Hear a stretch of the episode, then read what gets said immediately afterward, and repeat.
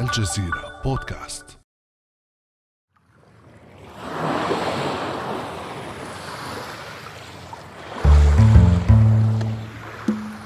صوت الماء المرتطم بجزر بعيدة ونائية قاحلة ومتجمدة صغيرة ومتناهية الصغر أقل بكثير من صوت النزاع الدولي عليها.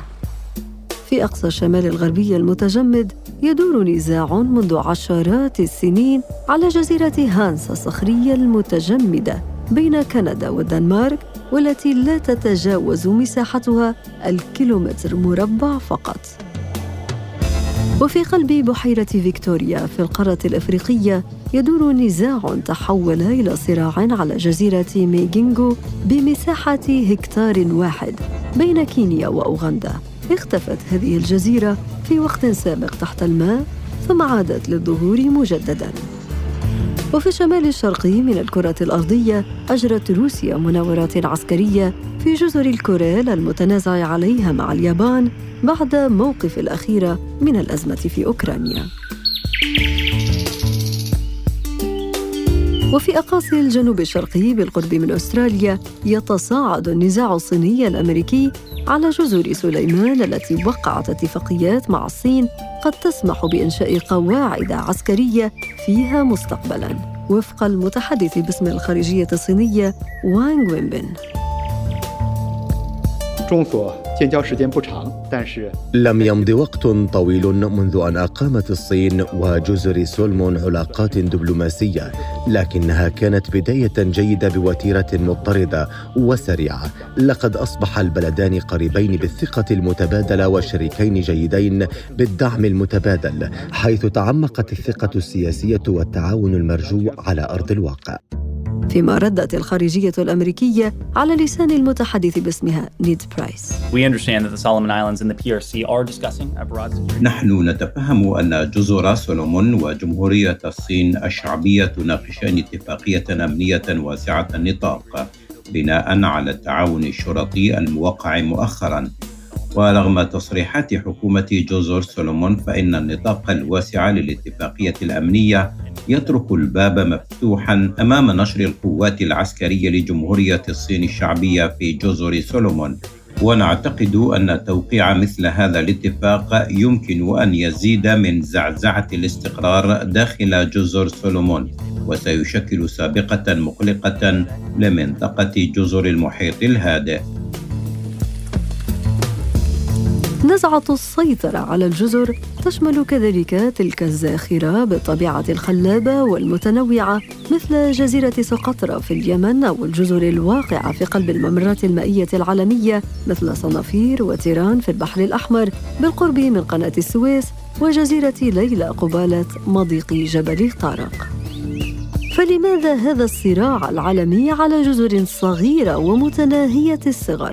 ولماذا يستمر دون أن يحسم. وما الأهمية السياسية والاقتصادية التي تدفع للسيادة على هذه الجزر؟ وما مستقبل الصراع عليها؟ بعد أمس من الجزيرة بودكاست أنا أمال العريسي.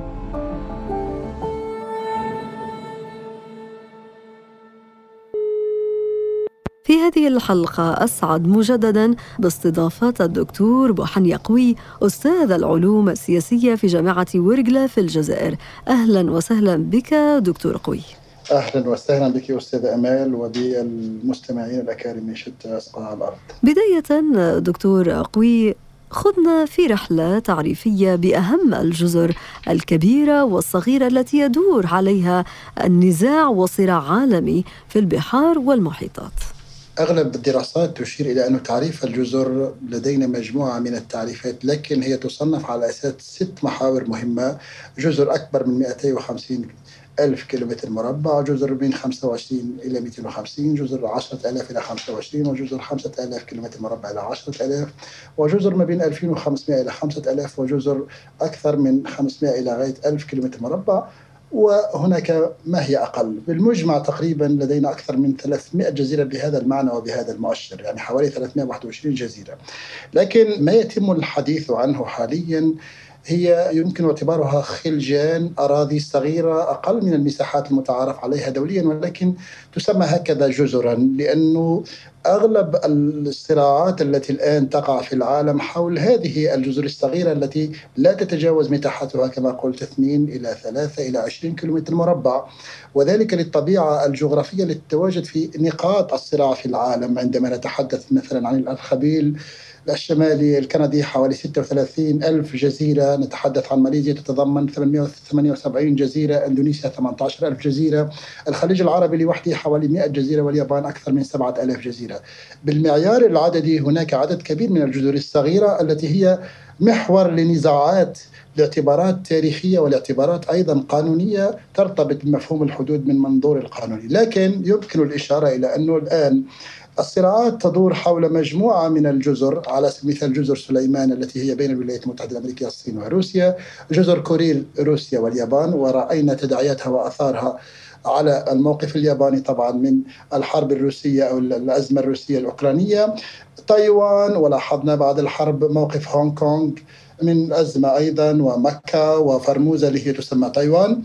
هناك مجموعة من الجزر على سبيل المثال جزيرة هانس بين كندا والدنمارك التي تمتد إلى أكثر من 1984 نورث روك وهي الصخرة الشمالية بين كندا والولاية مين الأمريكية. صخور ليانكورت اللي هي بين كوريا الجنوبية واليابان اللي تمتد إلى غاية 1952 جزيرة ميجينغو في بحيرة فيكتوريا في إفريقيا بين كينيا وأوغندا وغيرها. الشعب المرجانية مثلا الضخمة في جنوب بحر الصين والنزاع على ملكيتها. هناك أيضا صراع بين اليابان وكوريا في حوالي 148 جزيرة. أغلبها غير مأهول وتملك ثروة سمكية هائلة. على سبيل المثال في سنة 2012 تم انفجار صراع بين اليابان والصين لولا تدخل الولايات المتحدة الأمريكية بقيادة أوباما على عدد من الجزر ونعلم أنه في هذه المنطقة فيها حوالي 6800 جزيرة. هناك صراع لا زال قائما في الوقت الحالي بين الصين وكوريا الجنوبية. هذا الصراع يتموضع أو يتمحور آه، بناء على مجموعة من المعالم القانونية السياسية وأيضا حتى على بناء على صراع النفوذ وصراع الثروة التي تكتنزها هذه آه، الجزر على اعتبار أن هذه الجزر جزء من حدود دولية. أمثلة كثيرة ذكرتها دكتور قوي تدفعنا للتساؤل عن سبب هذه الصراعات ما الأهمية السياسية والاقتصادية لهذه الجزر؟ هذه الجزر هي ضمن ما يمكن اعتباره حدود دولية وهي الحدود التي تعرف قانونيا بكونها تفصل بين دولتين أو أكثر وهذه الحدود عادة تكون أرضية، لكن الواقع انه هذه الحدود ليست أرضية وإنما هي حدود بحرية وهناك اتفاقيات دولية بدءا من 1982 لتعطي صلاحية 12 ميل بحري لكل دولة مشاطئة أو مقابلة للبحر ثم اتفاقية شيكاغو بعدها، وقبلها كانت هناك ما يسمى مؤتمرات كانت تشتغل بيد القوى الكبرى فهي جغرافيا كانت بقلم أو بلسان أو بريشة إمبريالية كما يعبر عنها إدزياف كاريموف. بمعنى هذه الجزر هي هي جزء من حدود دولية وهذه الحدود غير مرسمة وفق القانون الدولي أو هي مرسمة تعترف بها هذه الدولة ولا تعترف بها هذه الدولة. مثل مثلا جزر طنب الصغرى وطنب الكبرى وأبي موسى. بعض الجزر هناك تعاون ورضاء بين الدولتين. مثلا سنافير وتيران بين المملكة العربية السعودية ومصر. بعض مثلا جزيرة حنيش بين إريتريا واثيوبيا هناك آليات قانونية تدخل لترسيم هذه الحدود لكن لماذا هذا النزاع؟ وهو سؤال مهم جدا. أغلب هذه الجزر أو المناطق الصخرية أو الخرجان هي عبارة عن مناطق للصيد مناطق للتنقيب على النفط والغاز. واحد. بعض الدول الغنية من مصلحيتها أن تؤجج الصراع والنزاع على اعتبار أن هذه المناطق عادة ما تكون مناطق عبور لقافلات أو على الأقل ناقلات النفط والطاقة في العالم. لذلك تحاول قدر الإمكان أن تبقي على الوضع القانوني بحيث يكون غير واضح. هناك أيضا معيار سياسي تقتات منه حكومات بعض الدول. تحاول قدر الامكان هذه الحكومة أو تلك أن تجيش عاطفة هذا الشعب لسلوك انتخابي معين بحيث أنا أدافع عن مبدأ سيادي، لذلك هناك من يشير إلى أنه يبقى الخلافات في بعض الحالات يكون هو الحل الأمثل. أعطيك على سبيل المثال بالنسبة للحالة. سقطرى هي عبارة عن أرخبيل غني ثري جدا يضم أكثر من 850 نوعا من الكائنات.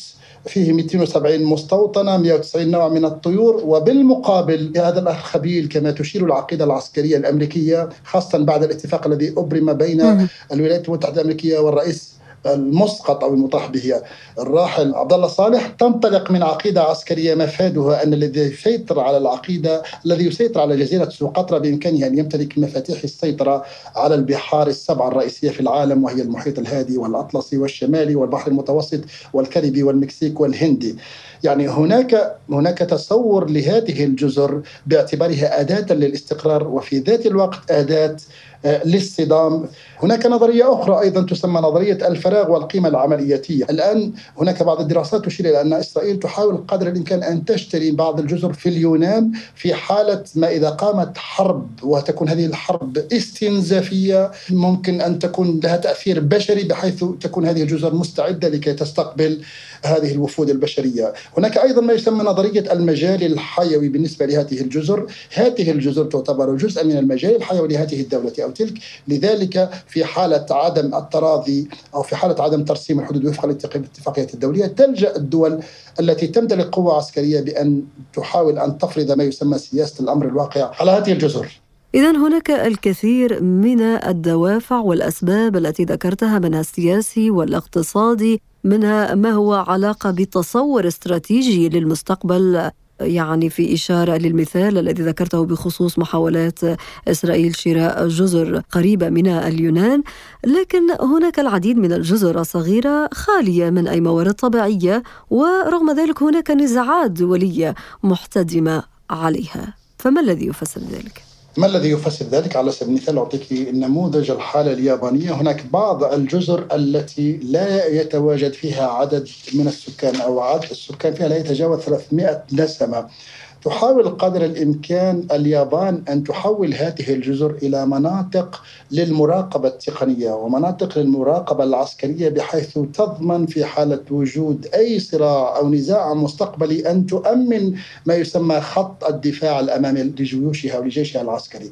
لذلك تعتبر هذه الجزر بمثابة ما يمكن تعبيره أو تسميته بلغة الاستراتيجية هي مواقع أشبه بصمام الأمان الذي يحاول قدر الإمكان أن يسيطر ويؤثر ويدير ما يسمى عملية تسيير الأمن المائي وفق عقلية تتجاوز الأزمات الحالية إلى الأزمات المستقبلية في حالة وقوعها، لذلك اليابان تحاول قدر الإمكان لأنه اليابان هي من أكثر الدول التي لها إشكالات كبيرة وصراعات مثل كما قلت الصراع الياباني الروسي حول جزر الكوريل الذي استمر من 1904 إلى حوالي 1945 واستمر بعد ذلك لسنوات والتي بموجبه خسرت اليابان جزر جزرها اليابانية الأربعة جزر الكوريل اللي هي كوناشير وايتوروب وهابوماي وشيكوتان اللي تعتبر هي جزر الكوريل بهذا المعنى قد تكون هذه الجزر غير أهلة بالسكان لا يتواجد فيها أي نوع من الحياة البشرية والحياة النباتية وربما قد تكون صخرية بالأساس لكنها بالمقابل هناك نزاع بين هذه الدولة أو تلك. لاعتبارات كما قلت استراتيجية بالأساس على على اعتبار أنه هذه الجزيرة أو هذه الجزر وعاده ما لا تكون جزيرة واحدة في حين كثيرا تكون عدد كبير من الجزر. هذه الجزر هي عبارة عن خط دفاع أولي وأساسي ونقطة استخبارات مهمة جدا لكي تؤمن الجيوش في حالة وقوع أي نوع من الحروب أو أي نوع من النزاعات الدولية. بالفعل دكتور قوي هذا ما كشفت عن صحيفة معاريف عندما تحدثت عن المثال الذي أشرت إليه في علاقة بسعي إسرائيل لشراء جزر. في اليونان كملاذ آمن أو قواعد عسكرية في حال اندلاع حرب. وأيضا هناك مفاوضات حاسمة على جزيرتي تيران وصنافير في البحر الأحمر حول تغيير وضع القوات الدولية فيها وبمشاركة إسرائيلية بعد تنازل مصر والسعودية عنهما. إذا فكرة شراء الجزر هي فكرة ليست جديدة دكتور قوي. سبق وأن طرحها أيضا الرئيس الأمريكي السابق دونالد ترامب على الدنمارك لبيع جزيرة جرينلاند ذات الموارد الطبيعية الهامة والنادرة إلى الولايات المتحدة. برأيك دكتور هل نحن بصدد عقود بيع وشراء للجزر؟ يعني يبدو المشهد وكأنه عملية بيع وشراء عادية وطبيعية نحن نتحدث عن جزر قد تكون كما ذكرت بها ثروات كبيرة قد تكون تشكل مواقع استراتيجية وأكيد أنها في هذه الوضعية قد تشكل تهديد للدول القريب منها أو أيضا التي هي تشرف عليها طبعا كما قلت آه، وأعيد فأقول بانه أتفق مع كريموف الباحث الاستراتيجي. آه، عندما أشار إلى انه هناك صياغة للعالم وفق رؤية الجغرافيا الأمبريالية بمعنى وأنت أشرت إلى المثال الإسرائيلي اللي هو الدراسة اللي خرجت في 17 مارس 2022 التي كشفت بموجبها صحيفة معرف أن مؤسسة صندوق أرض إسرائيل وهي مؤسسة بالأصل الصهيونية ترغب بشراء مجموعة من الجزر بحيث تكون ملاذ آمن في حالة وقوع. حروب. هذه الجزر هي حوالي 40 جزيرة وهي فارغة وغير لا يوجد فيها أي نوع من الحياة البشرية.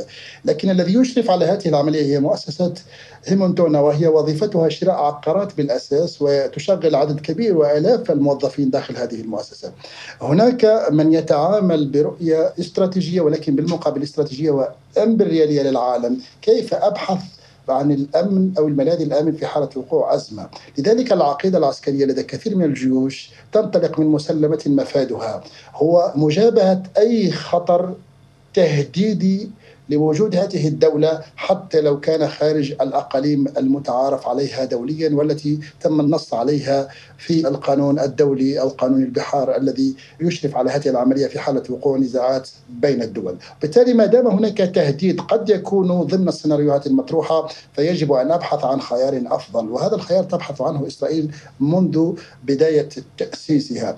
الحال نفسه بالنسبة للصراع مثلا الياباني والفلبيني حول جزر تدعى دايتو وجزيرة وصوار عدد سكانها لا يتجاوز 3000 نسمة تحاول اليابان قدر الإمكان أن تفرض تواجدها البشري والسكاني على هذه الجزر بحيث تدعي ملكيتها ولا زال النزاع قائما على أوجه. نفس الشيء بالنسبة للصراع التايواني حول جزر صغيرة. جزيرة واحدة صغيرة تدعى بوناكوني وهي تبعد حوالي 120 كيلومتر عن تايوان و2000 كيلومتر عن اليابان لاحظ المسافة. لكن بالنسبة لليابان هذه الجزيرة اللي هي بوناكوني تعتبر مركز مراقبة متقدم ومتقدم جدا في استراتيجيتها العسكرية والأمنية. ولذلك شراء الجزر لدى بعض الدول خصوصا الدول التي تسير بعقلية مقاولاتية دولية. يعني هناك بعض رجال الأعمال النافذون الذين يسيطرون على مفاصل الحياة السياسية لا يفكرون فقط بعقلية الرجل السياسي وإنما أيضا بعقلية الرجل المقاولاتي الدولي الذي يحاول أن يؤمن أي مصادر ويجابه أي مصادر خطر تهدد هذه الدولة والدليل على ذلك ما أشرنا إليه في كثير من الأمثلة. هذه الجزر حقيقة أنا أعتبرها قنبلة موقوتة ما دامت الأمم المتحدة المحكمة الدولية تنظر إليها بعين الوضع الذي يجب أن يبقى هكذا مثبتا على حاله وعدم حله رغم وجود قوانين تشير ما يسمى القانون الدولي البحار الذي يشير إلى أنه هناك حق لأي دولة مشاطئه البحر 12 ميل بحري وبالتالي هذا الموضوع مفصول فيه، لكن ترسيم الحدود وفق الرؤية القانونية هو ترسيم للأسف الشديد أيضا غير ثابت وغير مستقر على اعتبار أن هناك بعض الاعتبارات التي قد تحدث جغرافيا ولذلك أنت أشرت في بداية الحصة لأنه بعض الجزر قد تزول من الخارطة تماما في حالة وقوع مثلا براكين في حالة وقوع فيضانات والدليل على ذلك أنه هناك بعض الدول اللي هي هي مصدر يعني تقدر تكون مصدر للتهديد في كيانها الوجودي. هولندا على سبيل المثال جزء كبير منها يغرق سنويا وهناك توسع لمساحة الماء على حساب مساحة اليابسة. إذا آه، وصفت وضعية هذه الجزر آه، دكتور أقوي بأنها قنبلة موقوتة فكيف ترى مستقبل الصراع على هذه الجزر المنتشرة في البحار والمحيطات؟ أنا شخصيا هناك لا أتبنى موقفا بعينه ولو تبنيت موقفا فإن موقف القانون الدولي للبحار هو الموقف الذي يجب أن يتم تبنيه وهي ضبط وترسيم الحدود وتعريف الحدود وفق المنظور الدولي. كما قلت هي حدود تفصل بين دولتين أو أكثر. هذه الحدود تكون إما أرضية أو تكون بحرية أو تكون أيضا جوية بمعنى المفهوم الثلاثي للحدود. وهذه الحدود أيضا تم ضبطها وفق الإطار القانوني، لكن الذي يشرف على هذه العملية ليست المؤسسات الدولية، هناك شركات عملاقة كبرى لها علاقة بعلم الجغرافيا، بعلم الجغرافيا السياسية وعلم أيضا كل ما له علاقة بالفلك بحيث يتم ضبط هذه الحدود بشكل دقيق بحيث تكون أقرب نقطة إلى هذه الدولة هي من أحقية هذه الدولة على حساب تلك الدولة. أعتقد انه الإطار القانوني هو الذي يجب أن يأخذ مجراه، هناك ما يسمى التسويات الرضائية التي تكون بين هذه الدولة. والدول الأخرى تكون في محل صدام وفي محل صراع. النقطة الثالثة قد تلجأ بعض الدول إلى وضع هذا الملف في أروقة الأمم المتحدة ويطول دراسة هذا الملف على سبيل المثال حالة طنب الصغرى وطنب الكبرى وبي موسى وهي أيضا عبارة عن جزر غير أهلة بالسكان ولكن إيران تفرض هيمنتها بل تطلق تسميات على هذه الجزر تسميات فارسية بالأساس وتلجأ إلى سياسة فرض الأمر الواقع وتتعامل كثير من الدول وفق هذه الرؤية. بمعنى الإطار القانوني واضح محدد واضح المعالم لكن هناك بالمقابل أيضا سياسة سياسة الأقوى الذي يفرض هيمنته. ولذلك كما قلت اليابان حرمت من جزرها نتيجة موقف معين من الحرب العالمية وهذا الموقف أيضا جردها من هذه الجزر كوريل وأيضا موقفها الحالي جعلت الروس يلجؤون إلى أيضا إلى منح إمكانية للمواطنين الروس لكي يزوروا هذه الجزر اللي هي محل نزاع بينها وبين اليابان دون تأشيرة، بمعنى أنه أصبح الموقف تماهى الموقف السياسي مع الموقف الأمني مع الموقف العسكري. يبدو لي أنه هذه الجزر بالنسبة لمنطقة الشرق الأوسط ومنطقة إلى حد كبير إفريقيا هي بعيدة عن الصراع والنزاع إلى حد كبير على اعتبار أنه أغلب هذه الجزر هي موجودة في آسيا في المحيط المتجمد الشمالي وسبق وأعطيت بعض الأمثلة كما قلت في أمريكا الشمالية أكثر من 36 ألف جزيرة، تقريبا المنطقة العربية ومنطقة الشرق الأوسط هي قليلة الجزر باستثناء مصر على سبيل المثال حسب ما أعلم حوالي 391 جزيرة.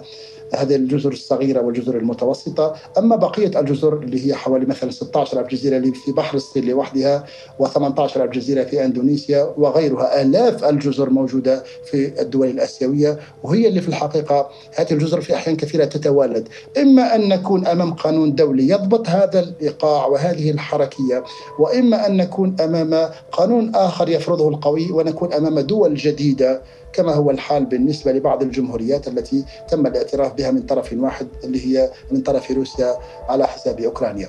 إذا في هذه القضايا قضايا الجزر المتنازع عليها اختلط السياسي بالاقتصادي بالعسكري ويبدو أن هذا الصراع تحول إلى صراع مزمن. الدكتور بوحني قوي أستاذ العلوم السياسية في جامعة ورقلة في الجزائر شكرا جزيلا لك. شكرا لك أستاذ أمال وشكرا للمستمعين. كان هذا بعد أمس.